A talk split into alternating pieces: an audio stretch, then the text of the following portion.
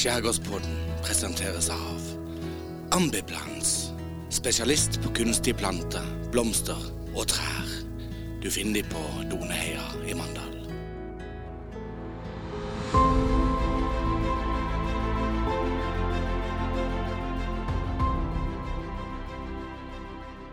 Ja, velkommen til Skjærgårdspraten. Og dette har jeg gleda meg til veldig lenge. Det er jo et under at denne mannen ikke er i studio før nå. Eh, men eh, all, den som venter på noe godt, er det ikke det det heter? Ja, det vet jeg ikke, men, men eh, takk for det. Hyggelige Ja. ord. Ja, Ronny Ellefsen, velkommen til Skjærgårdspraten. takk, takk. Vi skal hjelpe eh, folk å plassere det, litt. Grann. Eh, du er jo eh, kjent for veldig mange, spesielt mandalitter kanskje. Du har jobba i politiet i 20 år. Jobba med forebyggende arbeid. Du er utdanna lærer. Du hadde jeg husker du jobba på Vassmyra. Nå har du begynt i ny jobb. Du har begynt i nullvisjonen i Lister-regionen. Og jobber vel mye med forebygging der òg, vil jeg tro. Ja, ja, ja, gjør det. Mm. Og så har du vært veldig engasjert i politikk. Mm. Og dette formatet vi sitter her, det er jo litt sånn spesielt. For det, du er jo på en måte liksom grunnleggeren av det lokalt her. Når du starta din egen videopodkast i garasjen for noen år siden. Ja, jeg vet ikke om, men eh, det er jo flott, eller veldig hyggelig du sier det, men, men det er klart eh, jeg, eh, jeg holdt på med noe, noe alle, men på langt nær så profesjonelt som dere holder på med. Men det var litt sånn eh, Jeg hadde lyst til å, å starte opp med eh, bli litt kjent med folk, og så presentere andre for eh, altså, de personene jeg inviterte til, til mm, lyttere. Mm. så jeg starta en YouTube-kanal, og så intervjua jeg flere folk. Eh, og da gikk det litt sånn på eh, livet deres, hva de hadde gjort, og så var det liksom litt frie tøyler. Ikke, ikke noe sånn ufine greier, men bare sånn hyggelig trivielt. Eh, sånn som jeg får s- eh, hører dere òg holder på med her. Og det finner jo folk på YouTube eh, fremdeles, Ja og det var virkelig feel good, altså. Så du satte trenden, for det er jo nøyaktig det vi skal gjøre nå. Vi skal bli kjent med et menneske. Og i dag så er det Ronny Ellefsen. Ja. Eh, og da må vi jo tilbake til starten. Mm -hmm. jeg så at du noterte deg noen stikkord før vi skulle på her nå, og da så jeg det siste stikkordet du noterte, var Elvis. Og det burde være helt unødvendig eh, å notere seg i forkant. For hvis vi klarer å sitte i tre kvarter og prate om livet uten å komme inn på Elvis, da tenker jeg for det første jeg har gjort en dårlig jobb, eh, og så burde man nesten få diplom. Ja, For altså, Elvis betyr nok så mye for det. Ja, altså det, det mannen, eh, det han gjorde og det han sto for, altså den ikona, eh, har på en måte hatt med meg hele veien. Um, og det er liksom morsomt, da, for det starta med at mamma de kom hjem fra Hawaii med mm, ti eh, LP-plater med Elvis, hvor da du kunne pusle sammen Elvis i full regi i den hvite Elvis-drakta. Som jeg har da på veggen Ja, i garasjen. garasjen. Så kult. Ja, ja. Og vi kommer garantert mer inn på Elvis, men nå må vi helt tilbake til 1975. ja. Eh, det er den 6. september, og eh, Lindesnes eh, opplever noe de aldri før eller siden har opplevd. Ronny Ellefsen ble satt til verden. Det var da voldsomt, men ok, ja. Ja. Et unikt prosjekt. ja ok. Og det var en lørdag. Eh, og jeg har googla litt, for jeg syns det er litt gøy med sånne datoer. Så vi om eh, er det noe annet som skjedde den dagen der. Eh, det, var ikke noe, det var ikke mye snadder å ta tak i, så du skal ha den dagen litt for deg sjøl. Det var et jordskjelv i Tyrkia som tok livet av 2000 mennesker. Eh, men eh, det mest positive som skjedde den dagen, i verdenssammenheng, det var nemlig at Ronny Ellefsen kom til verden. Eh, og hvor, eh, hvor foregikk dette henne? Nei, eh, jeg er jo født på i Kristiansand sykehus, og så er jeg oppvokst på, på Vigeland. Eh, Vestlia, for de som er lokalt kjente, ikke langt ifra dette steinslottet. Ja, Det kjenner de fleste til. Ja. Mm.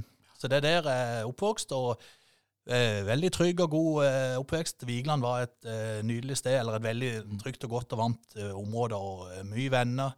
Eh, tett oppfølging av familie og nabodamer som fulgte opp når en var For det var jo gjerne sånn i den tida, det var det var alltid en voksenperson når du kom hjem fra skolen. Eh, Det er dessverre litt, litt mer sånn i dag, merker nok, eller det er litt mer vanlig at barna kommer hjem fra skolen, og så er foreldrene på vei hjem, og de har kanskje en time eller to alene.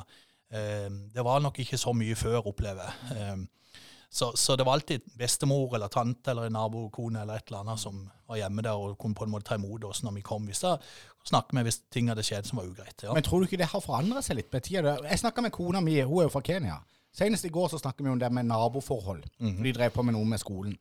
Eh, og da måtte jeg sitte og reflektere litt over det. Og jeg er jo født noen år senere enn det, men jeg husker jo veldig godt at oppveksten på Ime var veldig prega av at alle dørene rundt forbi var åpne. Man kunne alltid finne et sånn tilfluktsrom hos noen nabofolk og litt sånn. Og det føler jeg har forsvunnet litt, grann, det med, med nabogreiene, det med å ta vare på hverandre og låne sukker. Vi sa jo alltid det før, at du kan gå til naboen og låne sukker. Det er jo bare et uttrykk. Det er jo ingen som gjør det lenger. Nei, og så tror jeg nok dette er litt det der samfunnet vi er blitt en del av nå, eller blitt tvunget inn i. Dette her med du skal ha eh, Altså du skal, Dette kjøpesamfunnet, dette med at vi skal ha hytte, vi skal ha båt, vi skal ha to biler, vi skal ditt vi skal, Altså alle disse tingene. Så, så, det, så sier jeg ikke det at det er blitt kaldere samfunn, men det, det krever mer av foreldrene, eh, som gjør da at ungene eh, mister Altså de barna må på en måte ja, være, være eh, litt mer alene en periode, kanskje. Nå, klart, nå skal jeg ikke stigmatisere dette, men, men greia er det at vi kaller jo, når jeg jobba i forebyggende i politiet, så kalte vi så nøylebarn. Ja. At du nærmest har det nøkkel rundt i mm, halskjeda. Eh, Det virker som at vi blir nesten eh, født og oppvokst til å eh, med en sånn kultur om at vi skal kunne klare oss sjøl. Så vi skal ikke trenge hjelp fra naboer. Vi skal ikke trenge Altså, vi skal fikse det meste sjøl. Ja, og det syns jeg personlig er litt uheldig. For, for det at vi, vi, det, vi har vært blitt mer Se på disse barna som vokser opp i dag. De er jo på en iPad eller en PC. eller en, De sitter med hodet nede i dette. Jeg ser mine egne barn, og de er blitt 16, og de, de, de, de, de, lever veldig mye livet på nett. Um, så jeg skulle gjerne ønske vi kunne spole tilbake 20-30 år og så gjenoppta dette med å ut i gata, ut og kaste på stikker, ut og leke, ut og på en måte gjøre noe morsomt med nabolaget. Også, også sånn som det var når eh, vi vokste opp, både du og meg. ikke vel, At du spilte fotball eller hva du holdt på med, og sykla og koste deg, og så ble du ropt inn på kvelden eller når det var middag. Og hvis det var sånn at du var engstelig for at ungene skulle finne på noe levende i helga, så leide du bare en moviebox på Viking Video. Det, det var, da var mye gjort. Og da, du, da så du den samme videoen om igjen, om igjen hele helga. Og da hadde du den i tre dager. Ja, ja, det var sant. Det stemmer det. Det var tider, det. Skjult kamera på movieboxen på Viking Video. Men eh, som barn, Mm. åssen var du? Var du, eh, var du en eh, Jeg ser jo ikke helt for meg at du, du var ikke den stilleste gutten i barnehagen. Nei, jeg var nok ikke det. Eh, vi, eh, vi hadde jo dette her med eh, På, på søndagen, heter det for noe? Vi gikk på sånn De hadde noe sånn kristent greier sånn eh, og, og, Søndagsskole. Ja. Ja. Eh, hvor da du skulle få en sånn eh, stjerne eller noe sånt hvis du oppførte deg fint. Eh, Søstera mi fikk jo veldig mange stjerner. Det var ikke så mange på, på mitt kort. så, så, eh, men, men jeg, var jo ikke det slem, tror jeg. Men jeg hadde vel noe spill oppe og litt sånn litt lopp i blodet hadde jeg nok. Ja. Ja. Og hva, det, hva interesse var det du dyrka i tidlig barnealder? Ja, det var jo fotball. Eh, og så var det jo naturlig eh, skruing. Min far drev verksted hjemme i kjelleren da. Eh, så da var det jo alt mulig. eh, altså den sånn, sånn I forhold til i sikkerheten. I dag er jo eh, Du kommer nesten ikke inn på et bilverksted i hallen nå. Mm. da holdt jo han på i kjelleren med smøregrav og holdt på å bytte olje og sveis og rette ut skjermer og holde på med det ene og det andre. Så, så det var jo veldig spennende å holde på med. Jeg hadde jo annet etter hvert en gokart der. Eh, som jeg drev og skrudde på på en måte mekka på. Vi hadde jo alltid fra 50 kubikker, 125. Jeg tror på det verste så er vi 250 kubikker på den her. Og min far hadde jo, han var jo litt sånn barn sjøl, så han drev og kjørte med den her på eh, E39 eller E18. da, da vi han kjørt forbi noen biler. Men dette var jo til stor stas for hele nabolaget. da. Ja, selvfølgelig. Ja, ja, ja. Husker jo ene nabokone, jeg skal ikke nevne navn, kjørte jo ned postkassa med den her gokaren. så det Ja da, må det. Ja, og jeg har jo hørt andre ting òg, eh, som ble stor stas på Vigeland. Eh, og det kan jo være din far var involvert i det òg. Men eh, jeg hørte nemlig senest i dag at du var i anskaffelse av en sånn en Donald Duck-bil. Trøbil. Ja, en det, Donald Duck. ja. Det, det, det stemmer, det. Og det var en sånn trådbil du kunne sitte i med sånn pedal du kunne trå rundt på. Det var jo eh, stor stas. Så den pussa meg på og lakka og styrte. Så, så det var et veldig samlingssted. Um, og det, det var det en oppveksten. Og så klart det at vi, vi, eh, vi, vi holdt jo på der, ungdommene. og det, det godt gikk godt, for det var jo altså, HMS-en var ikke helt godt ivaretatt, kan du si, men, men det gikk, vi klarte jo så fint. Sånn, det gikk veldig greit. Men, men øh, øh, sånn i forhold til det med, med denne bilen, så fikk vi lakka den eh, hos min far. eh, og, og, og det var liksom sånn veldig stor stas for alle naboene. Det var det. Mm. Men hvis du hadde møtt noen borte i Kvinesdal når du er nå på jobb i Nullvisjonen, som hadde kommet med en sånn gokart med 225 kubikk, så hadde du Du hadde ikke sagt god tur. Nei, det er klart jeg måtte vel ha stoppa, men eh, Ja, ikke nå, da, for nå har jeg jo ikke noe, det er jo ikke politi lenger. Men, men Du kunne kommet med råd nå. ja, det kom med noen gode, velmenende råd. Ja. Ja. Hadde nok det. Ja. Men eh, du gikk på nyplass, går jeg ut fra det? ja, det gjorde jeg. Ja, var du skoleflink? Helt gjennomsnitt, tror jeg. Helt på, helt på det rene. Ja. Og så gikk det på eh, Hva var det som skjedde annet enn å farte fart rundt i gatene og spille fotball og sånn?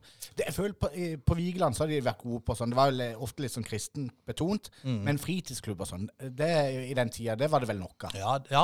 Vi hadde blant annet Asterix. eh, Ja, den er jo, det er jo Ja, ikke mange år eh, Den tror jeg lever ennå, hvis ikke jeg tar feil. for Ja, han gjorde det, men han flytta. Han, var, han var et annet sted tidligere. Mm. Det var jo kjempestas. og Der hadde vi noe bygdekino, der var det jo noe diskotek og noe eh, dans, ikke vel, og det var stor stas, det, altså. Så eh, nei, vi farta jo rundt, og så etter hvert så ble det moped, og så ja. Men, men var, du, eh, var, du, var, det en, var det en lykkelig oppvekst på Vigeland? Litt sånn bekymrings... eh, Det Ja, høres nesten litt bekymringsløst. Sånn, bekymringsløst. Ja. Um, og når en har vært rundt litt, sånn for min del ikke vel, Jeg har jobba flere år i Oslo. Jeg har jobba litt med, med ungdom som har hatt en tøff og røff oppvekst. Så, så, så kan en på en måte se det i forhold til seg sjøl, at den var, det var ganske bekymringsløst. Og det var trygt, og det var godt. Ehm, og så eh, hadde jeg altså, som sagt, gode oppvekstvilkår, og så etter hvert så, så var nok mamma, vil jeg tro spesielt, litt forut for sin tid. Ja, takket være selvfølgelig mye pga. pappa òg, men de bygde de bygde jo dessverre kjellerstue hjemme, eh, som var kombinert med mitt soverom. Og det var, eh, det var liksom for å samle oss ungdommene. Eh, vi oppfatta jo som at det var kjekt der å sitte der og drikke cola og spise pizza. Eh, så så vi, har jo, vi har jo hjulpet veldig på Grandiosa. eh. men, men dette var nok litt som eh, Mamma spesielt var nok forut sin tid med viktigheten med å ha oss der. Ikke? For da hadde de kontroll på oss. Og da kunne de andre foreldrene Og så var det trygt for dere. Ja, det, det var jo det. det var jo det. Og da hadde vi jo telefon. ikke vel? Det var jo, det var jo ikke trådløst, men det var jo fastlinjetelefoner. Vi drev og ringte inn til nærradioen blant annet, og det tulleringte. Det var liksom sånn. Og så på film, ikke minst. Og, ja. Nærradioen var jo fantastisk. ja, ja, det var herlig. Det var herlig. Men sånn jente- og dameproblematikk og sånn, eh, var det liksom, litt sånn satt på vent i guttemiljøet på Vigeland? Nei, det var vel noen av oss som begynte, men jeg var nok ikke den som var mest frampå. Jeg var nok ikke det. Men jeg hadde jo noe kjæreste. Jeg var nok, ja, hva var jeg for noe? Jeg var 16 jeg var sammen med ei, på Ime, husker jeg. Kjørte moped eh, fra Vigeland til Mandal og traff ei på Ime. Ja. Eh, det var, og det var liksom da jeg var 16, rundt 16, tenker jeg det, ja. Mm. Og en av dine første jobber vil jeg nesten tro var hos din far på verkstedet. Ja, helt, eh, altså, han ville jo ha meg jobb, det ville han jo. Så, så han, han var veldig stas på det. Men, øh, og jeg var, jeg var liksom tvungen til sommerjobb. øh, Men, men det var jo så synes Jeg hadde ikke noe, for jeg, fikk, jeg følte jeg fikk ikke noe utfordring, men, men jeg var veldig flink på å flytte dekk. Ja. Ja, Det var jeg god på. Og skulle ha innerskjerm, Det var stort sett det jeg fikk holde på med. Og så var nok jeg litt rørehaug i den perioden. Jeg skulle blant annet eh, feie under en eh, løftebukk, og så hadde han akkurat fått ferdig en sånn en Volvo stasjonsvogn han skulle hatt til utleiebil eller utlånsbil. Så jeg trykte jo på den knappen som heiste den der løftebukken, og hørte bare et voldsomt knag og et brak uten å stoppe kna eller heisinga. Pappa kom og løp han, så da står det jo det at en sånn luftekanal som er tredd gjennom taket på. og, da, og da fikk jeg sparken. ja, da fikk du sparken. ja. Og så gikk det tre dager, så begynte jeg å mase om penger, så ble jeg ansatt. Ja, det var ikke noe valg. Da måtte du ansette deg sånn var det. Ja. Eh, Men eh, det, den, det verkstedet det eksisterer fremdeles. Ja. Det er jo et ikonisk verksted, eh, og det skal jo din far ha mye av skylda for. Ja, ja, det, det, Det, var, ja, det var mye det var, det var, Som hjemme så var det jo et samlingssted. ikke vel? Mm. Både Hansen og Fransen kom innom, og de satt og hadde kaffe der. Og, så jeg vet ikke hvor mye han fikk produsert enkelte da, Nei. men det var, han var sosialt. Ja. Ja. Men fant, der, fant du ut av tidlig hva du hadde lyst til å bli i voksenlivet? Ja, Visste jeg, du det når du gikk på videregående? At, eh, Nei, jeg, jeg hadde egentlig staga ut kursen. Nå kommer sikkert mamma til å bli sinna på meg, men det får hun bare ta. Jeg hadde egentlig staga ut kursen allerede i um, Ja, før var det jo Det var jo ikke tiende klasse da, men det var jo i- til niende. Ja. Så jeg hadde egentlig staga kursen ut jeg tror det var åttende, for da hadde jeg en sånn type som du har på handlesentrene. Eh, sånn svært kart. Her er du, så er det en rød pil, og så kan du ta til høyre hvis du skal til Kubus, og venstre til Nille, osv. Og dette, hadde jeg på, dette var på, på eh, LUS, som det het den gangen, Lindesnes ungdomsskole. Eh, hvilken utdannelse hva du kunne Ja. bli hvis du tok den ene eller den andre linja. Og da het jo handelsskolen, yrkesskolen og gymnaset. Og jeg hadde veldig lyst til å bli rørlegger. Ja. Men den tida da, så var det litt sånn det å gå yrkesskolen. Det var liksom, nei, mamma hadde veldig lyst jeg skulle til artium. Ja, ja, ja. Så, så veldig, det syntes hun hadde vært veldig kjekt om jeg kunne ta artium. Så, så, så hun da fikk jo liksom eh, motivert meg, eller overtalt meg til å ta at hvis du tar gymnaset først, så kan du gå yrkesskolen. Ja. Det var jo bare for å få meg Selvfølgelig. Du var ikke interessert i å gå yrkesskolen etter gymnaset? Nei, jeg var jo ikke det. Men det som skjedde, var jo det at det var en, en, en, en kompis av meg som gikk sammen til og fra skolen, som er ett år eldre enn meg. han, eh, så jeg fortalte på en tur hjem at jeg, sånn måtte jeg gjøre det. Jeg måtte ta gymnaset først, og deretter ta yrkesskolen for å bli god rørlegger. Han forklarte meg at dette stemte jo ikke. Med det resultatet at jeg fikk juling, for jeg beskytta mamma. For mamma løy jo ikke. Ja, selvfølgelig. Ikke sant? Det er jo fantastisk. Så nei da, det var gøy, det. Så hun klarte altså å få det til å tro at det var en veldig fordel å ta gymnaset Yes. før du ble rørlegger. Eh, liksom, Der har du mamma. Du alltid hører på mamma. Så, Ja, ja. du ville antageligvis vært en av de få i Norge som var 22 år, ferdig utdanna rørlegger og tre år på Ja, gymnaset. ja. Så, Så det ble ikke svartrus på det. nei, det ble ikke det. Det ble, ikke det. Det ble rødruss. Og, og, eh, ja, og som mamma sier, jeg var russ i ti år. Men eh, Så Nei da, så da etter det så ble det jo Ja, så var jeg litt sånn fram og tilbake. Jeg prøvde forskjellige fag. Jeg visste ikke helt hva jeg ville bli. Eh, liksom en periode der. Det var litt jobbing. Jeg jobba litt som vakt, litt som bartender. Jeg var innom eh, biologi. Jeg var litt innom noe eh, matematikk. For jeg fant ut nei, eh, matte det ble plutselig litt tent på. Så jeg tok matte grunnfag i Kristiansand. Og, så, tenkte jeg hva gjør jeg nå? Og så begynte jeg å tenke litt tilbake til den der barndomsgutten. ikke vel, noe Politi. Det hadde Ja. vært stas. Så tenkte jeg ja, men da skal jeg gi det en sjanse. Så søkte jeg, og så eh, kom jeg ikke inn. Eh, og så tenkte jeg ok, hva kunne jeg tenke meg da? Jo, lærer. Det virker interessant. Nå hadde jeg jo allerede matten i boks. Så eh, for lærerskolen er liksom, Da var det fireårig. Så da har du en, en treårig pakke pluss et, et, et år til. Så da hadde jeg liksom det siste året allerede i boks. Eh, så tenkte jeg ok, da søker jeg, så søker jeg lærerskolen. Og da var det noen venner med da, eh, som eh, gikk på Notodden. Så tenkte jeg det er ok, vi søker på det. Så var det litt sånn ja ja.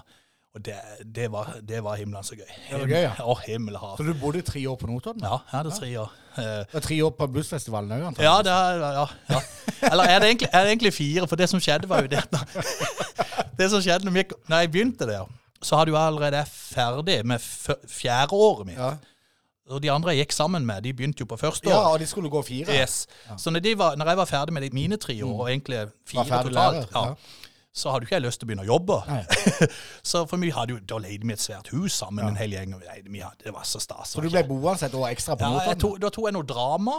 Så her, her, har, eh, For de som kjenner det karaktersystemet som var før, dette med altså hvor lavest karakter var best, Ja. så jeg har 1-9 i drama. Oi, himmel.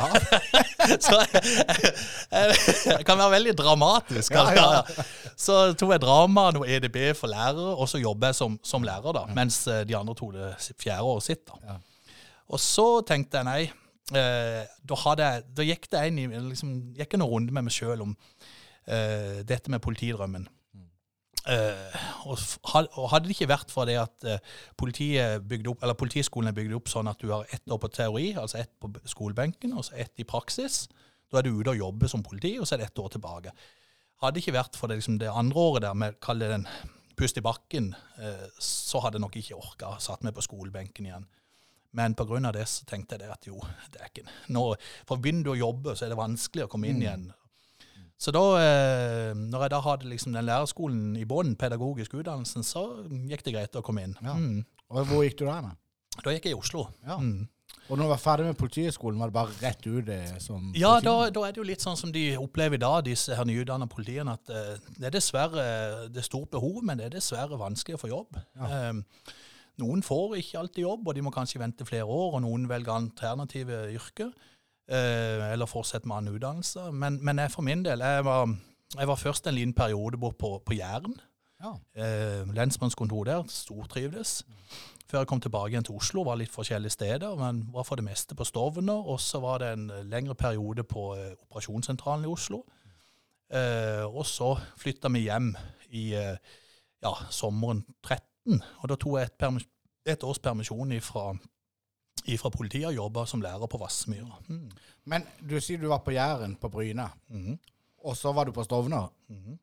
Eh, I, I politiverden, eh, eller i verden for øvrig, så er du nokså stor eh, det, det, det er langt ifra Bryne til Stovner. Det, det er det. Var, var det sånn i arbeidshverdagen òg? Bar vel preg av det? Ja, altså det er jo, altså Oslo eller Bry, eller unnskyld, eh, Stovner er jo det, er jo det storbypreget. Det er jo helt annerledes enn hva Bryne var. Eh, så, så, så Var det vanskelig å omstille seg? da? Nei, eh, det opplever jeg ikke det var. Men det er klart det at det var en helt annen eh, Type utfordringer? Ja, det var jo det. Det var litt sånn når du kommer litt ut på bygda, ja, så er det mer Pulsen går ned, og vi ser. Vi tar det i morgen. Ja, jeg ser det. Ja. Så, så, men det er mye mer storbypreg over ja, disse forskjellige bydelene inne i Oslo. Det er det. Det er mye større tempo. eh, Også, men, men kriminalitetsbildet ikke vel, det, det kan være nok likt over, over be, på begge sidene. Men, men de har nok utfordringer, men kanskje litt forskjellig. Men, men eh, grovheten og, og eh, kriminaliteten kan, kan de jo ha på begge steder. Mm. Men du forteller at så valgte Mi å flytte hjem. Ja. Og da må du fortelle hvem er Mi? Ja, mi det er mm, min kone Anette og eh, våre to barn, Thea og Tilde. Mm. Ja, og de var eh, født og oppvokst i Oslo, da? Ja. Eh, de, vi, eh, vi bodde først på, på Grorud før vi flytta til, til Kalbakken. Eh, så bodde vi der, og når de da skulle begynne i skolealder, så valgte vi å flytte, flytte hjem. Mm. Men kona, hun er svensk? Ja. Ja. Åssen var det der traff han? Det var ikke på eh, Notodden Bluesfestival? Nei, det var det ikke. Det var eh, Ja, nå kommer hun sikkert til å bli Han lade altså- Ellefsen kanon. Nei, det var, jeg var ute på en sånn et uh, utested, da, og så og så sto jeg liksom og hang i baren og sendte ut vibber. og, og så var det to flotte jenter som sto Ja. og dansa på et bord langt bak i lokalet. Og så var det, var det en dame da som surra i veien, så jeg fikk ikke sett disse to. Okay. Så jeg prøvde liksom å vinke henne vekk. Men denne dama da, hun oppfatta at jeg vinka henne til meg. og det var jo da min nåværende kone. hun kom jo bort og lurer på hva det var. Ja. Hvorpå jeg tenkte da, tar hun kontakt? Jeg trodde hun kom til meg og tok kontakt med meg, Ja, ja. men hun lurte jo på hvorfor jeg vinka henne bort. Ja, ja. Eh, men det, det som jeg tror nok var um, uh, Det som var en, altså det som var Det som gjorde at dette ble en At vi er gift i dag. Sjakktrekket. Sjakktrekket. Det var det at i lomma når jeg skulle ta opp penger Dette var jo før, var liksom, da var det jo cash. ikke vel? Så jeg skulle ta opp noen penger og kjøpe en drink eller cola eller hva hun ville hatt. Så, så hadde jeg på bussen på vei ned så var det sånn eh, Hvis, hvis eh, Lise på seks år mister katten, Ja. så henger pappa eller mamma opp en sånn lapp, og så kan du rive av et nummer, telefonnummer. Ring dette nummeret hvis du finner Hadde du et sånt med ditt nummer på i lomma? jeg hadde et, jeg hadde, nei, På den bussholdplassen så sto det sånn Har du lyst til å lære deg um, kjærlighetens dans, salsa? så, så jeg lurte jo Jeg dro jo opp noen penger med den lappen. Tenkte, ah, himmel, Vil du være med og danse salsa? Lære salsa? Oi. Og det, da, smil, da smelta hun, vet du. Ja. Så det høres ut som dette møtet mellom du og kona, da. Ja. Eh, det, var, eh, det bar preg av veldig tilfeldigheter Yes. og, og en nokså mange misforståelser. Ja. Og så ble det dere to. Det, det, det, det er merkelig hvordan ting eh, ja, henger i hop. Ja, det var veldig bra. Ja. Kanskje var det den dramalinja på Notodden ja, ikke minst. med deg Ikke minst. Ja, det, det, ja, det, God til å improvisere. Veldig god til å improvisere. Ja, det er jo herlig. Men da flytta dere til Mandal. Ja. Og hun har ikke lengta tilbake til Sverige, da? Nei, hun, hun bodde jo da i eh, Hun hadde jo bodd mange år i, i Oslo som sykepleier. Eh, Så, så da eh, Klart det var jo litt tøft for hennes familie. og ja, Hun er jo med tanke på avstand fra å være Hun kommer fra helt sør i Sverige, eh, ikke så langt ifra Malmö. Eh, Så avstanden ble jo mye lengre da. Så det husker jeg var en litt sånn naturligvis vanskelig for, for svigers. da. Eh, Men, men greia var det at eh, nå ble det noe sånn, og så eh, ja, så hadde det sånn, dessverre sånn at eh, pappa døde jo i 11, 2011. Eh, så var det litt sånn fram og tilbake hvordan vi skulle gjøre med dette. Og, og i og med det at um, vi, vi hadde egentlig tenkt vi skulle flytte ut av bykjernen, altså Oslo, enten, da var det enten opp mot Gardermoen eller sør. Og når, det, når, når det dessverre ble sånn at pappa døde, så, så, så, så fant vi ut av med i ja, samråd med søstera mi og mamma at jeg skulle overta det huset på Vestnes. da. Så da eh, fikk vi muligheten til å komme oss inn der. Eh, og, og i forhold til nærhet til både skole og natur og jobb og alt mulig. Så da, og det bringer meg over på litt på det der eh, eh, Hvis jeg skal liksom bli litt sånn tankefull oppi alt det her. For eh, eh, hvis du tenker det liksom, ok, hvis jeg bare opplever det, hvis jeg bare får det sånn, hvis jeg bare får det sånn, så er jeg fornøyd i livet. Det med å liksom sette seg mål. Og da husker jeg tenkte det at ok, hvis vi bare eh, kommer greit inn i huset, OK økonomi, eh, begge får seg jobb i nærområdet, og, ungene klarer seg godt. Eh, ikke noe sånn at noen blir Ja. Så, så, så vil jeg liksom Da, da, er, da er det, er lykkelig. Da er jeg lykkelig, liksom. Og så kommer han jo dit. Og så vil en ha mer. Ja. Og det, det er liksom litt sånn rart hvordan vi mennesker er konstruert i forhold til akkurat den biten der. For altså, hvorfor, hvorfor kan vi ikke si 'nå er jeg fornøyd'? Nå har jeg det kjempegodt. Nå, nå, vi, nå trenger jeg ikke mer. Så, men det er litt sånn menneskenes natur, tenker jeg. Det er en veldig interessant eh, tanke. Ja, ja. Og så nevner du at din far gikk bort i 2011. Og jeg Mhm. husker jo at han var veldig glad i sitt eh, landsted utenfor Tregde. ja. Og det jeg vet ikke hvor, om det hadde det under oppveksten, men det må ha vært en oase å komme ut til. Ja, det var det. Det var virkelig På det. hytta. Ja, det var eh, Og det er klart, det var, det var, det var med tungt hjerte vi, vi falt ned på å selge det. Eh, Men, men det er klart eh, det, har vi, det var behov for store pussinger, og du måtte bruke ganske mye kroner på å ja, mm. pusse det opp eller vedlikeholde det. Ja, eh, jeg husker pappa tok meg med før han eh, kjøpte og Da gikk vi i land et eller annet sted, et eller annet sted, annet sted på øya og liksom tok oss liksom fram. Og det var litt sånn hysj-hysj, for alle skulle ikke vite om at han var kanskje interessert osv. Og, og da husker jeg sto med, med ryggen til hytteveggen og så ut. Altså Da, eh, da ser du på en måte over til eller landfaste Tregde. da. Det er jo ikke langt ifra Tregde marina. Uh, og da kunne jeg ikke se vann. Ja. Men dette, det, pappa, dette hadde pappa sett. da. Ikke kveld så fjern de og de trærne sånn og sånn. og sånn og sånn. Ja. Så han hadde, bli, han hadde øye for dette her. Men jeg skjønte jo ikke dette. Og han lyktes jo nokså godt med det, for dette det jo, var jo, ble jo en vakker eh, Ja. eiendom, for å si det mildt. Ja, det er ikke det. har, så det. Og det er et kjempefint sted. Og, og, så, så, så, men, men det er sånn Ja, men sånn er det. Men du tok det jobb på Vassmyra og ble der et år. Men så kalte polititjenesten igjen. Ja, eh, jeg fikk eh, Ja, jeg var Jeg, var, jeg var, eh, hadde tiende klasse. Ja. Eh, og eh, det var utrolig kjekt. Jeg treffer jo mange av disse ungdommene som jeg hadde da igjen eh, nå. Nå er de over 20 år. Og det er litt moro da vi sitter og prater sammen og, eh, og liksom mimrer litt om det. Så, så, så det var eh, bare gode minner derifra. Det var det. Og ikke minst dette med å Ja, jeg tror det var lurt òg i forhold til det når I og med at jeg visste jeg skulle inn Målet var jo å komme inn på forebyggende i Mandal. Eh, det med å ha og litt kunnskap og kjennskap om hvordan skolehverdagen er. Eh, hvordan det er å ha skoene på. For det, det kan være både tøft og krevende eh, det for, for, for lærere. Eh, det, det er blitt mye mer dokumentasjon. Det er blitt mye mer sånn eh, Gått vekk altså, min, min, når, jeg, når jeg ville bli lærer, så var det den der indre motivasjonen med å stå med kateteret og så klare å se at Per, Kari eller Mohammed skjønner dette. Altså, du for, de, Norsk forsto de den matteoppgaven. De, de, de, de klarte Du, du gjorde noe med, med dem, at de forsto teknikken. Det er det som gleder meg, og det er det mange lærere òg sier. Det, det kunne, kan jeg bare få lov å stå med kateter og undervise?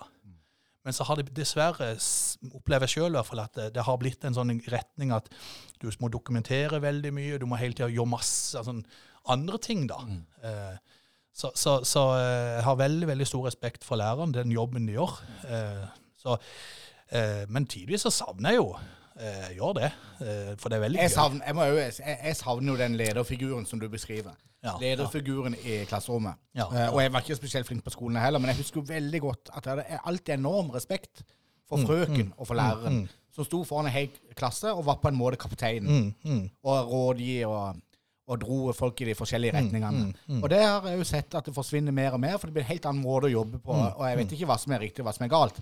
Men jeg savner òg den eh, karakteren der. Og jeg tror alle vi trenger, iallfall når vi er ungdommen, så trenger vi noen solide, trygge voksne som leder oss i riktig retning. ja. ja, eh, det er det. Og det er litt sånn vi, som vi innleder med, med, med at det er mer samfunnet, det er mer stress, det er mer jag. Um, og og det, jeg, jeg tror det er hvis vi klarer å stoppe opp litt og være litt mer fornøyd, på en måte si at nå, nå, nå trenger jeg ikke mer, nå, nå har jeg det greit, så tror jeg det at det, vil på en måte forplante seg eh, til andre, ikke vel, og så sier de at ok, men da roer vi det ned, og så ja, for, går, går hvilepulsen ned, og ja. Jeg husker det var en psykolog som sa til meg en gang, for jeg var jo alltid manisk opptatt av at eh, enten så er man vellykka, eller så er man mislykka. Enten så er noe 100% eller så er det 0 Mm, mm, Og så husker jeg han sa til meg en gang at jo, men hvis du måler livet ditt nå, sant? hvor er du henne nå? Nei, det var bra, det var dårlig, det er bra, det er bra, det er dårlig. Og så havner han på sånn 55 for eksempel. mm. Så sier han jo, men det er jo eh, overvekt av gode ting her. Har du, har du en reell forventning om at det, livet skal bli 100 mm, Det kommer aldri til å skje. Mm, mm. Men jeg ville vært veldig misfornøyd hvis jeg hadde havna på 20-30 hele tida. sa han. Men hvis du hele tida bikker over at det er mer bra enn dårlig, så kan man av og til si seg fornøyd med det. Ja, ja, ja. Nei, men det, det er akkurat disse tingene. Og det er litt sånn som jeg sier til, til ungene mine, jeg fleiper og tuller mye med dem, så de blir jo helt overgitt av og til. Men greia er det at ikke ta seg sjøl så Altså, det er helt greit du skal være seriøs i arbeid og alt det der, men av og til Altså, slapp av. Eh, Ta på det, vær litt klovn. Vær litt uh, lek, eh, lev og lær. Altså, bare vær det liksom tør, ikke, ikke ta deg sjøl så høytidelig alltid. Og det, det ser en litt med ungdom i dag. Altså, de, de, de, de tør ikke gå ut på. Altså, de er livredde for å, gå, å komme ut av komfortsona, enkelte. Og det syns jeg er litt sånn ugreit. Jeg syns det er litt trist på deres vegne når det kommer til de tingene der. Gi litt mer faen, som eh, Per Fugelli Ja, litt sånn. Ja, ja litt sånn. Hva er det verste som kan skje? Ja, riktig. Jeg tror de er livredde for at noen skal på en måte han, filme de og legge de ut, og så skal de bli Men, men drit i det. Bare vær deg sjøl. Kos deg. Ja. Eh, så ble det mange år i forebyggende politi. ja. Ja. Eh, Var du da liksom eh, For dette hadde du Jeg skjønner at dette var noe du ville inn i. Eh, Du brukte året på Vassmyra selv om du ville være lærer, så var det liksom på vei inn i forebyggende arbeid. Og hva skjer da? Nei, da ble, jo, eh, da ble jeg ledig i ei stilling eh, på, på forebyggende i Mandal. Eh, da var det underlagt etterforskning Anne Gundersen, som var lederen min da. Og så eh, var vi der en periode, og så ble, fikk jo eh, ble forebyggende seksjon alene av legen. Eh, eh, hvor da Dag Helge England kom inn etter hvert. Ja. Tidligere lensmann på Vigeland. Eh, kjempe, kjempeleder. Vi har hatt mye gøy. Eh, og, og eh, jeg hadde veldig frie tøyler. Jeg hadde veldig stort an- frihet under ansvar. Um, Og hva betyr det å jobbe forebyggende? Altså, sånn rent praktisk eh, er det at det, da har du kontakt med skolene, du eh, jobber med inn mot konfliktråd kanskje? ja, ja. ja hvis, du tenker, med, hvis du tenker som politi, så er det, jo, er, det jo, er det jo dette som du sier. ikke vel? Det er det å være ute og informere. Hvis, det kan være alt ifra eh, overført betydning, sånn som jeg holder på med nullvisjon nå, det er å komme med, med gode råd, veiledning. Eh, være med og sette de, gi dem noe verktøy til å tenke sjøl. Eh, være med at de kan på en måte eh, Kan det være lurt å ha en plan? Kan det være lurt å tenke litt på hva gjør jeg hvis noen du er på, hvis en snakker med ungdom, da. Eh, hvis noen begynner å bruke narkotika, eh, noen begynner å røyke hasj f.eks. på en fest, kan det være lurt å ha en plan på hvordan du forholder deg til det? Kan det være lurt å snakke med de andre? Eh, hvis du sitter i en bil og folk kjører fort, hvis sjåføren har drukket alkohol. Eh, altså, så Forebygging er så mangt, men, men i korte trekk så går det jo på det også. Eh, hva gjør en? Altså I forkant, hva kan du, du som person, du som en del av vennegjengen, hvordan kan du på en måte være med og legge en plan for å unngå å havne kjipe eller uønska situasjoner? Jeg har jobbet noen år i barneverns, eh, med barnevernsarbeid. Ja. Eh, og da er ikke Da er det jo sånn at vi får jo gjerne eh, besøk av mennesker i ung alder som i en periode av livet sitt bor på en institusjon eller et eller annet sånt. Eh, og da var det i Kristiansand så hadde vi ofte møte med Det var spesielt Søgne, da. Eh, nå husker jeg selvfølgelig ikke hva han hette, men eh, han likte jeg jo veldig godt. En politimann i Søgne som drev med forebyggende i alle år. Terje Erkleiv, Mhm. som kom på pizza. Mm. Eh, og det var liksom en sånn strategi. ikke sant? For mange av disse ungdommene hadde jo Noen hadde møtt på politiet tidligere, noen hadde veldig dårlige erfaringer med autoriteter og alt dette her. Men da sørga vi for at eh, Erkleiv kom så tidlig som mulig på banen, og kom hjem til oss i huset og spiste pizza og fortalte om ditt sitt arbeid. Og ikke én gang var det negativt. Hver eneste gang så var det positivt. Vi hadde et par ganger hvor ungdommen sa nei, fuck the police og der. Ja, ja. Men de satte seg ned, spiste pizza og ble kjent med hverandre. Og det var vel litt sånn det var jo med forebygging, at man skal bli kjent med Ja. ungdommen. Og det du setter fingeren på der er veldig viktig, for det har noe med det å bygge altså litt sånn overført betydning da, bygge ro, gode relasjoner i fredstid. Altså, hvis du har eh, du har blitt med, med ungdommen, og du, måte, du har på en måte det trygt å snakke med deg, så, så er det vanskeligere for de på et senere tidspunkt enn fredag eller lørdagskveld å være ufin med deg. For da har du en relasjon. Du, har, du er på fornavn. Du har på en måte knytta noen bånd. Og det er liksom så enkelt, men allikevel så vanskelig kan det være. Eh, det du beskriver, Den pizzaen til 150 kroner, det er lider ingenting i forhold til den verdien du får igjen i den andre enden. Med, med på en måte å være med å forhindre kanskje, med at du kommer til steder du kan snakke vedkommende ned ifra å gjennomgå, altså om man er i ferd med å være voldelig, om man er i ferd med å stjele noe, i ferd med å, ja, og så videre. Og, og, og de du beskriver, altså den gruppa du beskriver nå, de har jo mange av disse har hatt krevende og vanskelig oppvekst. De har hatt eh, eh, utfordringer ikke sant, i forhold på hjemmebane, i forhold til eh, relasjonsbygging osv. Det å ha en trygg og god relasjon til en autoritær politimann, som på en måte ser det, det kan være i mange tilfeller alt for meg om det lykkes eller ikke. Eh, Jeg kan nevne det nå, jeg kan ikke, selvfølgelig ikke gå inn på noen navn, men var jeg, jeg var med og fulgte opp i, i, i konfliktråden. Jeg var der, du, eh, for jeg var en liten periode ute av politiet og jobba der. Fikk jeg nå melding om hun fikk sendt masse eh, takk og hjerte for det at jeg, jeg var en av de som hadde vært med å hjelpe henne. Hun har klart seg godt nå, kommet seg ut av både rusen og bytta miljø. Hun har begynt å jobbe så smått og klarer seg godt i livet. Det er klart, de er Altså, det varme hjertet. Du, du har vært en del av, av hennes endring. Men det er ikke vi som har gjort jobben. Det er hun som har gjort jobben. Vi har vært med og gu- guida og gitt henne noe gå ja, på veien. Mm. Motiverende intervju, Motiver- som vi bruker Ja, mye. ja, for ja. skru på de knappene. Ja, det er det. det, er det. Um, men, og du jobber med forebyggende i flere år. Uh, men så husker jeg, for uh, et års tid siden, uh, to, begynner vel å nærme seg to år eh, Det kan jo ikke ha vært i forebyggende arbeid at du, Ronny Ellefsen på nå vet jeg ikke, 100, ja, 100 kilo pluss rykker ut i full galopp og brekker beinet. Ja. Ja eller vakker ikke bein, da, men eh, ja, ja. Du, Du var- tenker på akillesen? Ja, Akillesen, ja. ja. Du var i gips i lang, lang tid. ja, ja, det var eh, Ja, nei, det var litt sånn Var eh, du over og jobba i utrykningsarbeidet? Ja, jeg var litt eh, Jeg gjorde noe som jeg ikke pleier å gjøre, løpe, da. Ja, så, og da røyk han. ja, det hadde gjort faktisk det. Var, det, var du på jakt etter en Nei, det var, ja, det var en ungdom da som eh, så plutselig fant ut at han ville løpe, og så skulle jeg løpe etter. da. Ja. Da ja. Så, så, eh, men det var i forbindelse med ja, vi skulle bistå eh, barnevernet da, med en ungdom, og så ja, skjedde dette her, da. Uh, Du kjenner når akillesen ryker? jeg var sikker på at jeg ble skutt. Oi. uh, det smeller det, det høres voldsomt ut når jeg sier det sånn, men, men det var, høres ut som et pistolskudd. Yes. Uh, og så kjente jeg bare en enorm smerte, og det var jo i, i venstre bein, og jeg gikk rett i kne. Um, eh, ungdommen løp jo. så, og etter som jeg har forstått, så sitter han nå på, på institusjonen og så sier han banka opp en politimann. Å, sier du det, ja? Det er det som er den, eh, Ja, ja, ja. den formelle historien. det, det er jo I hans verden sier du det det. Men eh, jo, det er riktig, det. Så, så ble det som det ble. Um, hvor, hvor jeg da eh, Og dette var, dette var litt sånn tungt og litt trist, for å si det sånn. der, For dette var jo når vi kom ut av koronaen. Ja. Og når du er liksom over middels sosial anlagt, så, så du gleder deg til den sommeren. sommeren. du hadde og verka i to år for å kunne være sosial igjen. Så det, for det var jo, det var jo eh, Ja, det var i fjor mai, dette her. Eh, vi på en måte Endelig kan vi begynne å leve igjen, og så videre. Altså koronaen og Ja, vi skal begynne å samles, og vi kan slippe avstand, og så. Så, så da ble det jo som det ble. Ikke ved lange tider med, med Gikk med sånn en svær slalåmstøvler. Hvordan var den sommermåneden? Det var både klamt og varmt, ikke Ja. vel? Og, og så er det ikke akkurat eh, Selv om det står 75 kilo i vognkortet, så er nok ikke det vekta, badevekta viser. Det er det ikke. Så,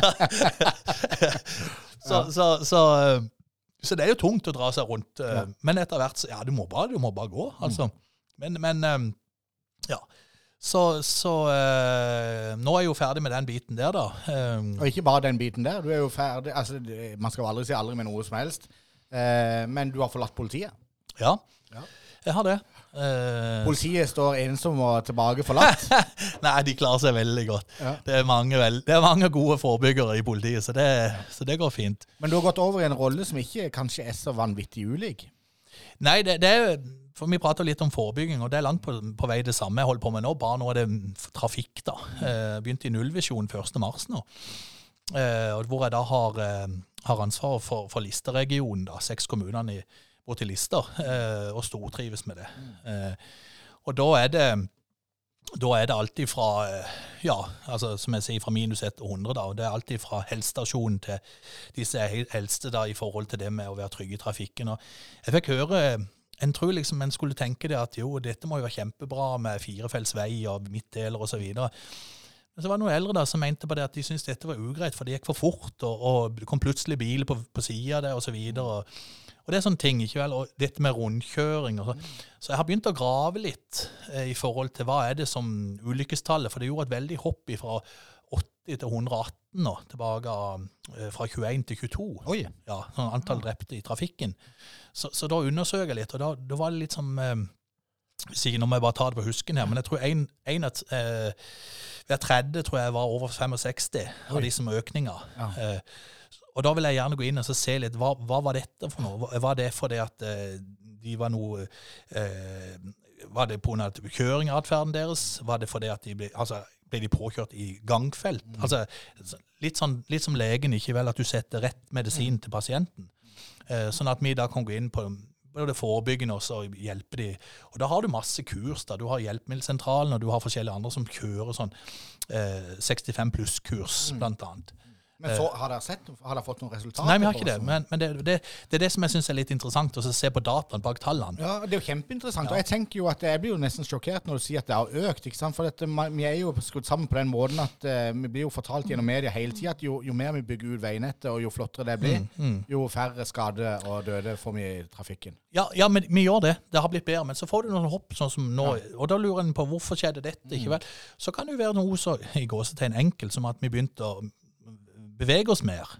Men så er det jo så faller det jo litt i fisk, da. For under koronaen så var vi veldig mye norgesferie. ikke vel? Ja. Så vi var jo i trafikken allikevel. Så, så det er litt sånn, men det har gått opp og ned. Men, men, men kurven er veldig tydelig. Altså, det har gått Det går bedre. Ja, så målet er at vi skal Visjonen er at vi er på null i 2030. Det er liksom visjonen, da. Eh, som, ja. Tror du den er målbar? En må velge å, velge å tenke det. For det, en visjon skal du på en måte jobbe mot, selv om man kan virke helt uoppnåelig. Men det, det er det vi jobber mot. Ja. Og du snakker jo mye med ungdommen. Du er mye rundt på skolene og snakker med dem. Ja. Eh, og så vet jeg at dere har et eh, gøyt lite prosjekt eh, hvor dere sender eh, noen ungdom på rallybanen. Du må fortelle Ja, litt om det. Det, det, er, ja, det er utrolig kjekt. Det er ungdomsprosjektet, kaller det. Eller heter det. Det, det, er, det er Ungdom kan melde seg på hvis du er mellom 18 og 24 har førerkort. Så kan du melde deg på fire kvelder, hvor du da får informasjon om trafikksikkerhet. Vi leier inn eh, gode, flinke, dyktige folk eh, som på en måte er foredragsholdere. Eh, hvis du gjennomfører disse fire kveldene med pizza og brus, så eh, er- venter det en premie i andre enden. Eh, og det du også må, før du kan få den premien, er det at du har signert en kontrakt. At du skal være et godt forbilde, trafikkforbilde. Eh, hvor de da, eh, Vi kan sjekke ut med politiet om de har fått noe på seg. Altså om de har blitt på en måte eh, i løpet av denne perioden. Eh, hvis alt er greit, så eh, når de har gjennomført dette, så kan de enten være med på Rudskogen og kjøre Porsche. Det er kult. Ja, Eller så, så får de inntil 5000 kroner for å reparere bilen. Så kult. Ja, ja, det er kjempe. Fantastisk. Og- Og det gjelder alle som blir med på det? Der. Ja. Men det, ja, akkurat. Så, så det er klart det er et, det er et veldig sånn eh, flott så, så det vil jeg råde alle som Nå er klart, nå er vi i gang i år, da, men til neste f.eks. er du mellom 18 og 24 og har førerkort, så er dette sterkt å anbefale. Ja. Mm. Men hvem er det som finansierer sånn prosjektet som er der? For jeg tenker Hvis det kommer eh, 300 stykker i Listeregionen som melder seg på dette, så blir det jo fort en Ja, ja, kostnad. ja, nei, jeg skulle gjerne ha sagt at eh, Men det har, vi, vi skulle gjerne hatt flere. For å si det Ja. sånn, vi, nå er vi rundt eh, 40-50 som reiser nå. Yes. Ja, Da setter vi opp buss, og så reiser vi inn. Skal du kjøre Porsche, du, da? Jeg har kjørt før. Du har kjørt før, ja. Så jeg får nok ikke kjørt i år. Så, så ja, det kan jeg ta ut. Vi var, fikk lov en gang her også å være med. Da var det meg eh, og Dag Helge England og Tommy Osestad, alle tre politi. Vi het jo selvfølgelig Kops, da. Ja. Eh, ja, ja. Og vi skulle liksom være med, og vi, eh, vi glemte jo mye var de voksne oppi dette, så det ble jo skikkelig konkurranse der inne. Ja. vet du. Den, den ser jeg. Og Børge Tronstad var ikke med han? Eller Nei, det han- kanskje, var det kanskje broren som krasja så mange biler? Å ja, det tør ikke si, det vet jeg ikke så mye om. Nei. Ja, det er utrolig bra. Men du trives i nullvisjonen? Ja, jeg gjør det. Jeg synes det, er- ja, det er stor stas. Uh, det er det. Jeg er, eh, det. Det er liksom Det er klart det å forlate politiet etter 20 år, det var, det var eh, Ja, jeg gikk noen runder med meg sjøl, men, men når jeg visste hva jeg gikk til, og, og, på en måte ha så frie tøyler, og, og jobbe med det som ligger for å si det sånn da, hjertet nærmest, med å være med og påvirke og, og, og motivere og engasjere ungdom eh, Ja, nå sier jeg ikke bare ungdom, men det er jo hele alderen, eller hele spennet, til å gjøre gode eh, trafikale eh, Altså Ja, at de, de, de er både forebyggende for seg sjøl og for andre i trafikken. Det, det, det syns jeg er gøy å være med på, og det ser jeg er veldig viktig. Mm. Nå har vi jo snakka veldig mye om eh, skole, vi har snakka om yrkesliv. Eh, Ja. og du er jo eh, heldigvis ikke så gammel at eh, vi trenger å snakke så veldig mye mer om yrkesliv. Det må vi gjøre når vi møtes igjen om 20 år til. Da Ja, ja, ja, på vei ut i pensjonistenes rekke. Eh, men nå må vi snakke litt om Ronny Ellefsen òg. Ja. Bak yrkestittelen. Og da har jeg veldig lyst til å begynne med Elvis. ja, OK. ja. For du må fortelle meg litt den interessen eh, der. Hvor, hvor kommer den ifra? Nei, den kommer, den kommer, eh, den kommer ifra um, Det var egentlig helt tilfeldig. Eh, Foreldrene mine kom hjem fra en tur til eh, USA. Eh, jeg tror de var på, hadde vært på Hawaii. Og så hadde pappa funnet ti, altså en sånn pakke da, med sånn tipakk med, med LP til Elvis. Eh, hvor jeg da kom, kom hjem, og så fikk jeg denne her, og så var det jo kunne du legge ut alle disse LP-ene, og så fikk du da i kjempestort format denne Elvis den hvite drakta. Og så kunne du spille musikken hans sin. Ja. Det var Husker du den følelsen når du fikk satt sammen ja, ja, fikk, ja, ja, ja, det var stor stas. mektig. Ja, ja, det var det. det, var det. Og du, da kunne du ha på LP-plate liksom Ja. sånn, og så spille, spille noe Elvis-låter. Det var stor stas. Så, så, så etter det, og, og når du etter hvert liksom ble kjent med, med, med ikonet Elvis òg Det er sånn som jeg sier, ikke vel i forhold til det med måten han var, ikke sant, i forhold til det han, han, han hadde det kristne fundamentet, ikke vel, og, og, og var, elska mora, på en måte sto opp for mora, og, og ikke minst dette med å egen, lage egen sang da, i forhold til Martin Luther King sin jobb. ikke vel, altså, det, var så mye, det var så mye bra med han, og så han, han tørte å stå opp for ting som ikke andre gjorde, og han sto imot alene om så, ikke vel, men det holdt jo på å koste han karriere. Eh, og det var jo det som ble en liten sånn down-dupp i karrieren hans. siden Han begynte å, ja, de, han ble jo militær og kom tilbake, og så ble det alle disse filmene. Det ble jo ikke så veldig stor suksess, mye av dette her. Men, men, eh, men han kom seg opp igjen, og, og det var et stort tap, sånn som jeg ja, tenker i forhold til det. Vi trenger sånne ikoner. Så, um. Og vi har det jo eh, litt grann fremdeles, for det er jo ikke bare Kjell Elvis som eh, tar på seg Elvis-drakta og byr på seg sjøl, for det gjør jo Ronny Ellefsen òg. Så vi har jo to i regionen. Eh, jeg husker jo et, Det syns jeg er et ikonisk bilde som jeg har sett. Jeg lurer på, Det må være på Pysen.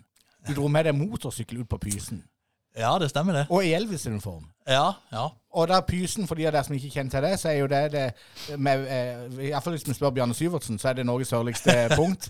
Spør du eh, Dyrstadklanen ute på Skjernøya, så er han jo helt på geitjorda. Men Norges, altså, ifølge, ifølge Kartverket så er Pysen altså Norges sørligste punkt. Og det er jo bare et lite skjær. Ja. Men der fikk du ut en motorsykkel. Ja, eh, bare la meg begynne med at jeg var ikke klar over denne her, hva som var det sydligste og ikke sydligste. Nei. Så jeg ble kasta inn i denne her eh, disputten Med, Ja, og det var det, ja. Så du fikk Jeg med var Jeg jo ikke den. klar over eh, at denne her med hva som er det sydligste og ikke sydligste, så jeg fikk jo halve Stjernøya på meg etterpå, uten å vite at jeg hadde Ja, for du representerte Bjarne Ja, Syversen jeg gjorde jo langt på vei det, da. Så, så, så det, som, det som Nei da, det var, det var en eh, eh, Det var faktisk Geir Ljungquist Ja. eh, som på en måte planta dette frøet. da. Ja. Ronny, om ikke det hadde vært kult, vi satt en kveld og hadde en konjakk eller to. Og så, ja, ja, himmel og hav, hvorfor ikke? Ja. Og så begynte vi å leke litt med den tanken, og så fikk jeg Bjarne Syvertsen, han ble jo helt tent. ja, selvfølgelig. Jeg, for jeg visste jo det, eller jeg vet ikke om du husker ikke om det var Geir eller hvem som sa det. Men i hvert fall så, så var han helt tent, og så begynte jeg å sjekke ut hvem kan vi få hvem kan vi, hvordan kan vi få ut motorsykkelen der. Og da var det jo han eh, Åh, het han for noe? Han der som hadde den der øh, En sånn en eh, eh, lekter. Å ja, ja, ja. Stemmer den der, der, der Ja, mm, eh, akkurat. som, som, eh, som vi fikk ut da. Og da husker jeg da sto konemora konemor og smurte eh, rundstykket herifra til månen for for alle, som, alle arbeiderne som var med på den lektoren for å få gjennomført dette her. Ja. Så, eh, så eh, Nei. For det er ikke lett å komme i land heller på det skjæret. For du, du er avhengig av noe sånn eh, det, det skal liksom Ja, eh, ja. Hvis det er litt sjø og sånn, så får du fort litt problemer. Ja, ja og, men hel, det var så helt utrolig, for det var, det var helt bleka. Eh, folk kom jo ut i, i, eh, i kajakk, og, og, så det var Nei, og så hadde jo jeg ordna med noe musikk og noe, noe høyttaler og noe greier. Det som er, altså, jeg, jeg har jo ikke Det er litt sånn Det har vi litt på dette med at eh, som jeg sier, litt flåsete. Jeg synger Elvis etter hukommelsen. Og det er jo litt sånn, og jeg er jo ikke noe veldig til å synge heller, men jeg, jeg tenker det at I forhold til den arbeidet jeg har hatt, og litt sånn, eh, du var litt inne på dette med psykisk helse og dette her, så er dette litt sånn tunge ting. Og da, min, min måte å avreagere på, Ja. det er på en måte være litt sprilloppmann, og på en måte være litt sånn by litt på seg sjøl. Så, så, så kan det på en måte være en sånn nøytraliserende greie for meg, for jeg syns det er litt morsomt da å kunne Og ikke minst en ser det kan glede andre. Eh, så, så det som var, vi kom ut der, og da var det jo helt, helt bleka. Eh, og så fikk vi lagt eh, ned den lemmen, og det, det er klart det er jo mye film derifra, det, men det var stor stas. Og så kjøre, liksom, For det var jo en, en 1100 Yamaha, dette her. Ja. Det ligner veldig på en Harley. da. Og så Og du hadde sviv i den, altså? Ja, ja, ja. skjæret der, altså. Nei, ikke, nei, det hadde jeg ikke.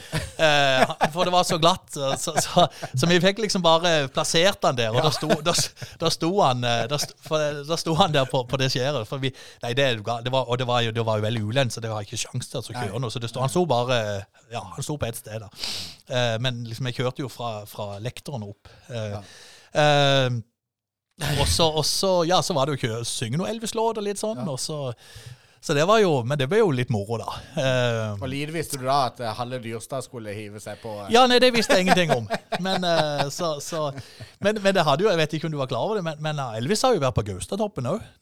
Ja, Han er, ja. Ja, han var, han var, det var en sommer Så det er mye hun skal gå gjennom hun stakkar konemor. Hun, måtte, hun måtte dra på den Elvis-drakta opp eh, Ja, For den kunne ikke du dra på sjøl? Nei, jeg, ville, jeg skulle gå opp. Ja. Eh, Meg og svogeren vi, vi gikk opp og gikk ned, men de tok denne heisen som okay. går inn i fjellet der.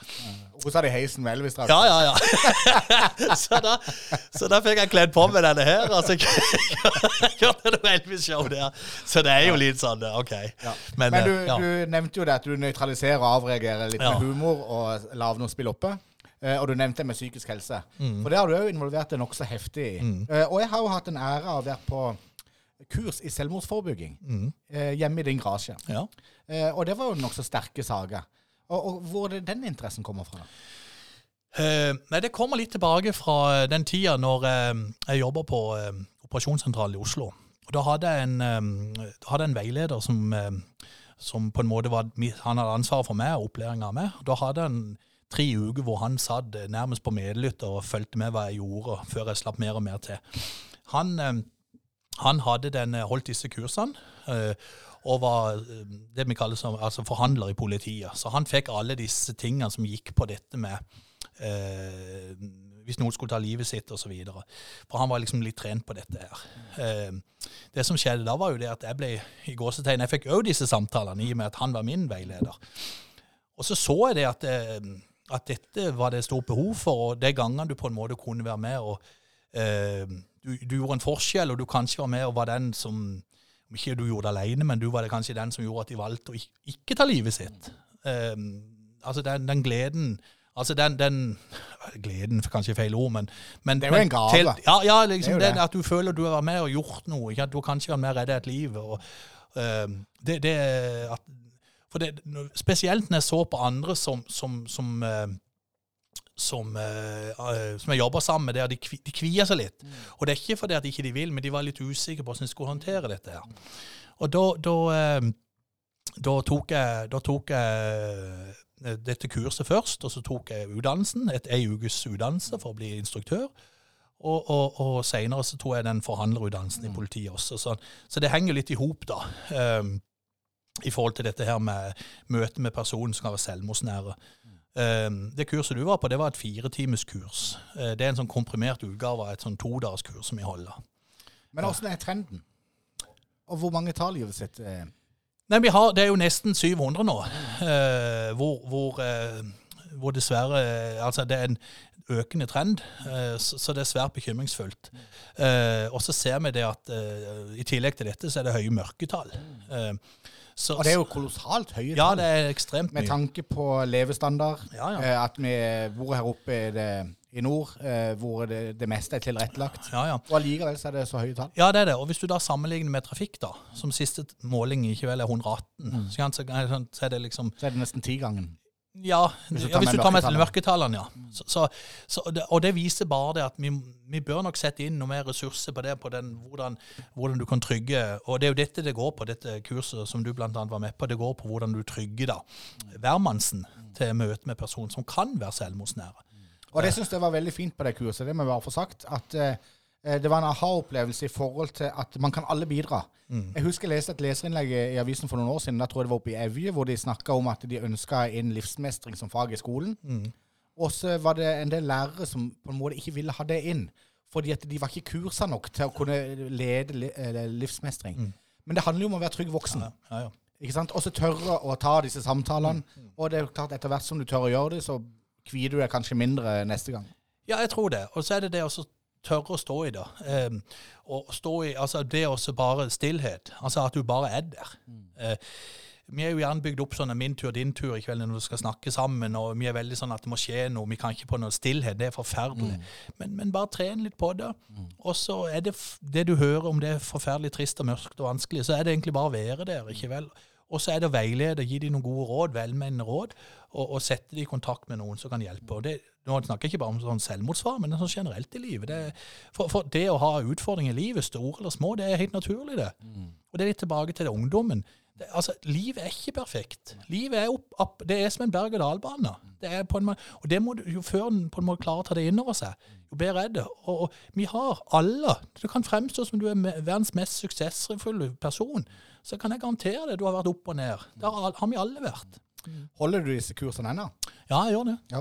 Det vil jeg bare anbefale folk som går på. Ops eh, Hva heter det for noe? Op- Oppmerksom på selvmordsfare. Ops. Ja. Ja. Når dere ser eh, en link eh, til det på Facebook, eller hvor det måtte være, så må folk hive seg rundt. For det, er- og det, det, man trenger ikke Jeg var der i forbindelse med jobben min, eh, men dette er jo for privatpersoner. Dette er jo for alle slags type mennesker. Så det anbefaler jeg jo. Men åssen var reaksjonen da? For på landsmøtet eh, i Fremskrittspartiet for et par år siden, så holdt du en tale om psykisk helse. Hvordan reagerte landsmøtet på det? Nei, og det, jo, det, det var blitt tatt veldig godt imot. Og jeg ble, jeg ble jo forespurt av flere om å komme og holde mer informasjon om det. Så jeg har hatt en liten rundreis nå på forskjellige eh, lokale eh, lag her i, i Agder. Blant annet og informert litt og holdt noen kurs. Og for, som er et resultat av at de ønsker mer informasjon om det. Så, så, så, så, det er et stort ønske og stort behov, eh, sånn jeg opplever det. Og tilbakemeldinga jeg fikk fra landsmøtet, var det at eh, dette, dette er viktig å sette fokus på. For det er jo appellen der, da, eller når du da snakker på landsmøtet, er jo det at du snakker jo rett til de som sitter på, på Stortinget. Så du ønsker jo gjerne å påvirke ja. Og du har vært involvert i politikken i nokså mange år når du sitter i kommunestyret. Det heter jo ikke bystyret lenger i Mandal, men kommunestyret i Lindesnes. Mm. Og du stiller til valg igjen. Jeg ser du står på lista. Ja, jeg gjør det. jeg gjør Det det stemmer, det. stemmer det. Nei, det var jo litt gøy, da. For um, det er liksom helt tilbake av Ja, hva er det for noe? Var det valg i 2015? Jeg, jeg snakka med Per Bratteberg, da. Han eh, traff han, og så sier han det at ja, men Ronny, du må jo være med. Så tenkte jeg ja, med på det? Det ene, to, ene tok det andre, da. Eh, så, så, så tenkte jeg ja, men sett meg nå langt nede på lista. Men eh, det er klart, eh, når, som politimann så er det jo kanskje et kjent ansikt. Også. Som politimann, og du har vært på Pysen i Elvis-uniform. Du har vært på Gausatoppen i Elvis-uniform. Det var jo helt uunngåelig at ikke du skulle komme inn i det Så, så ble det som det ble. Da Da kom jeg inn som uh, sistemann uh, i da bystyret. Det, og så, ja, så ble det en periode til, og så nå tenker jeg jeg tar en runde til. da. Hvis, ja, hvis, hvis folk vil ha meg, da. Ja. Det, er jo, det er jo folket som bestemmer, da. Åssen ser du på valget som kommer? Det blir veldig spennende. Det blir veldig, veldig spennende. Eh, og så er det klart at uh, foruten å bli for eh, politisk i forhold til hva jeg, hvor, hva jeg tenker på, eller hvor jeg håper det er, så, så, så, eh, eh, så blir det liksom i forhold hvor står folk henne nå, ikke i forhold til det som har vært av utfordring til de som sitter i regjering.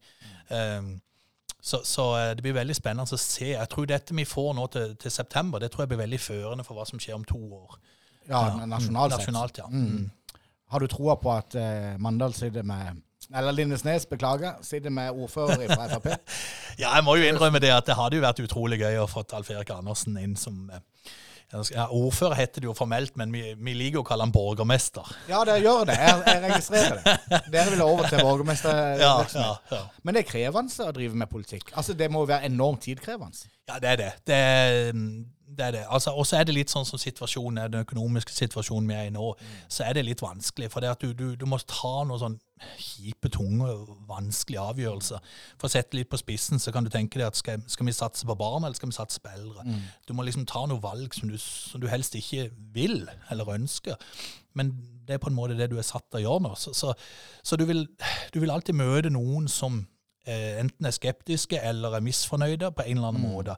Om det være seg på butikken, på arbeidsplassen eller hjemme. Jeg er jo gift med en som er sykepleier, så hun jo jeg liksom har den avdelinga, så jeg får det der òg. Ja, det er jo klart at det er sikkert ikke mange politikere som blir møtt med en klem på butikken og 'tusen takk for den fantastiske jobben Nei, du gjør'. For det er jo som regel et eller annet man er sint eller frustrert Ja, over. ja. Men hvorfor er det sånn i Norge? Et av verdens ri- eh, rikeste Nei, det er et veldig godt spørsmål. Hadde den hatt svar på det? Eh, Så, så Nei, jeg har, ikke, jeg har ikke de gode svarene på akkurat det, men, men det er jo spørsmålet vil det Altså Helt uavhengig av politisk farve Nå, nå, jo, nå sier du jeg for Frp, da, men, men, men helt uavhengig av det, så, så tenker jeg det at den, det partiet som kunne på en måte gjennom kunne fått flertall, for, altså at de hadde hatt et, enten bare alene eller med ett parti, så tror jeg det ville vært så mye mer riktig overfor i hvert fall sine velgere for å få gjennomført sitt partiprogram. For da vet du hva du får. Utfordringa nå er jo det at hvis det blir for mange, så blir det, må det bli mange sånn hestehandler, og det blir uheldig igjen. For da må du, må du gå vekk fra det du har gått til valg på, osv. Eh, og det tror jeg nok, eh, uten at jeg på en måte har noe, egentlig noe håndfast bevis på det, eller noe, men det tror jeg kan være krevende for sittende altså ordfører nå i forhold til en sekspartikoalisjon. Eh, for det at de, masse avtaler som er inngått, og så har de på en måte byttet de det mot det. Og da vil jeg tro det at de velgerne der blir- litt sånn Ja, men dette var jo Dette sa de da, og dette sa de da. Og så sier ikke det at eh, hvis Høyre kommer til makta eh, at, at vi kommer til å plutselig alt blir så mye Nei, unnskyld, Frp kommer til makta. Eh, at, at alt blir så mye enklere over natta. Men, men det er jo liksom den tanken en har, da, at vi har det vi har eh, det programmet vi har, eller det vi ånder etter politisk, vil kunne forhåpentligvis bli bedre, da. Eh, men da er det jo litt avhengig av at ikke vi får for mange vi må samarbeide med. Nei, og fortsetter dere og Høyre å vokse som dere har gjort Ja. i det siste, så ender man jo fort opp, og dere kan klare å samarbeide, Ja, så ender man jo fort opp med to partier i ja, ja. ja. både regjering og ja og det, det kan bli interessant. Det kan bli interessant. Men du har ikke svarene på alt. Men du har jo hatt svarene på utrolig mye. Dette har vært en fantastisk fin time. Tusen, tusen hjertelig takk. Du har delt av ditt rike liv. Og jeg ser fram til å møte deg om eh, skal vi si 25 år til. 25 år, Og så tar vi en recap. Da. det er en avtale.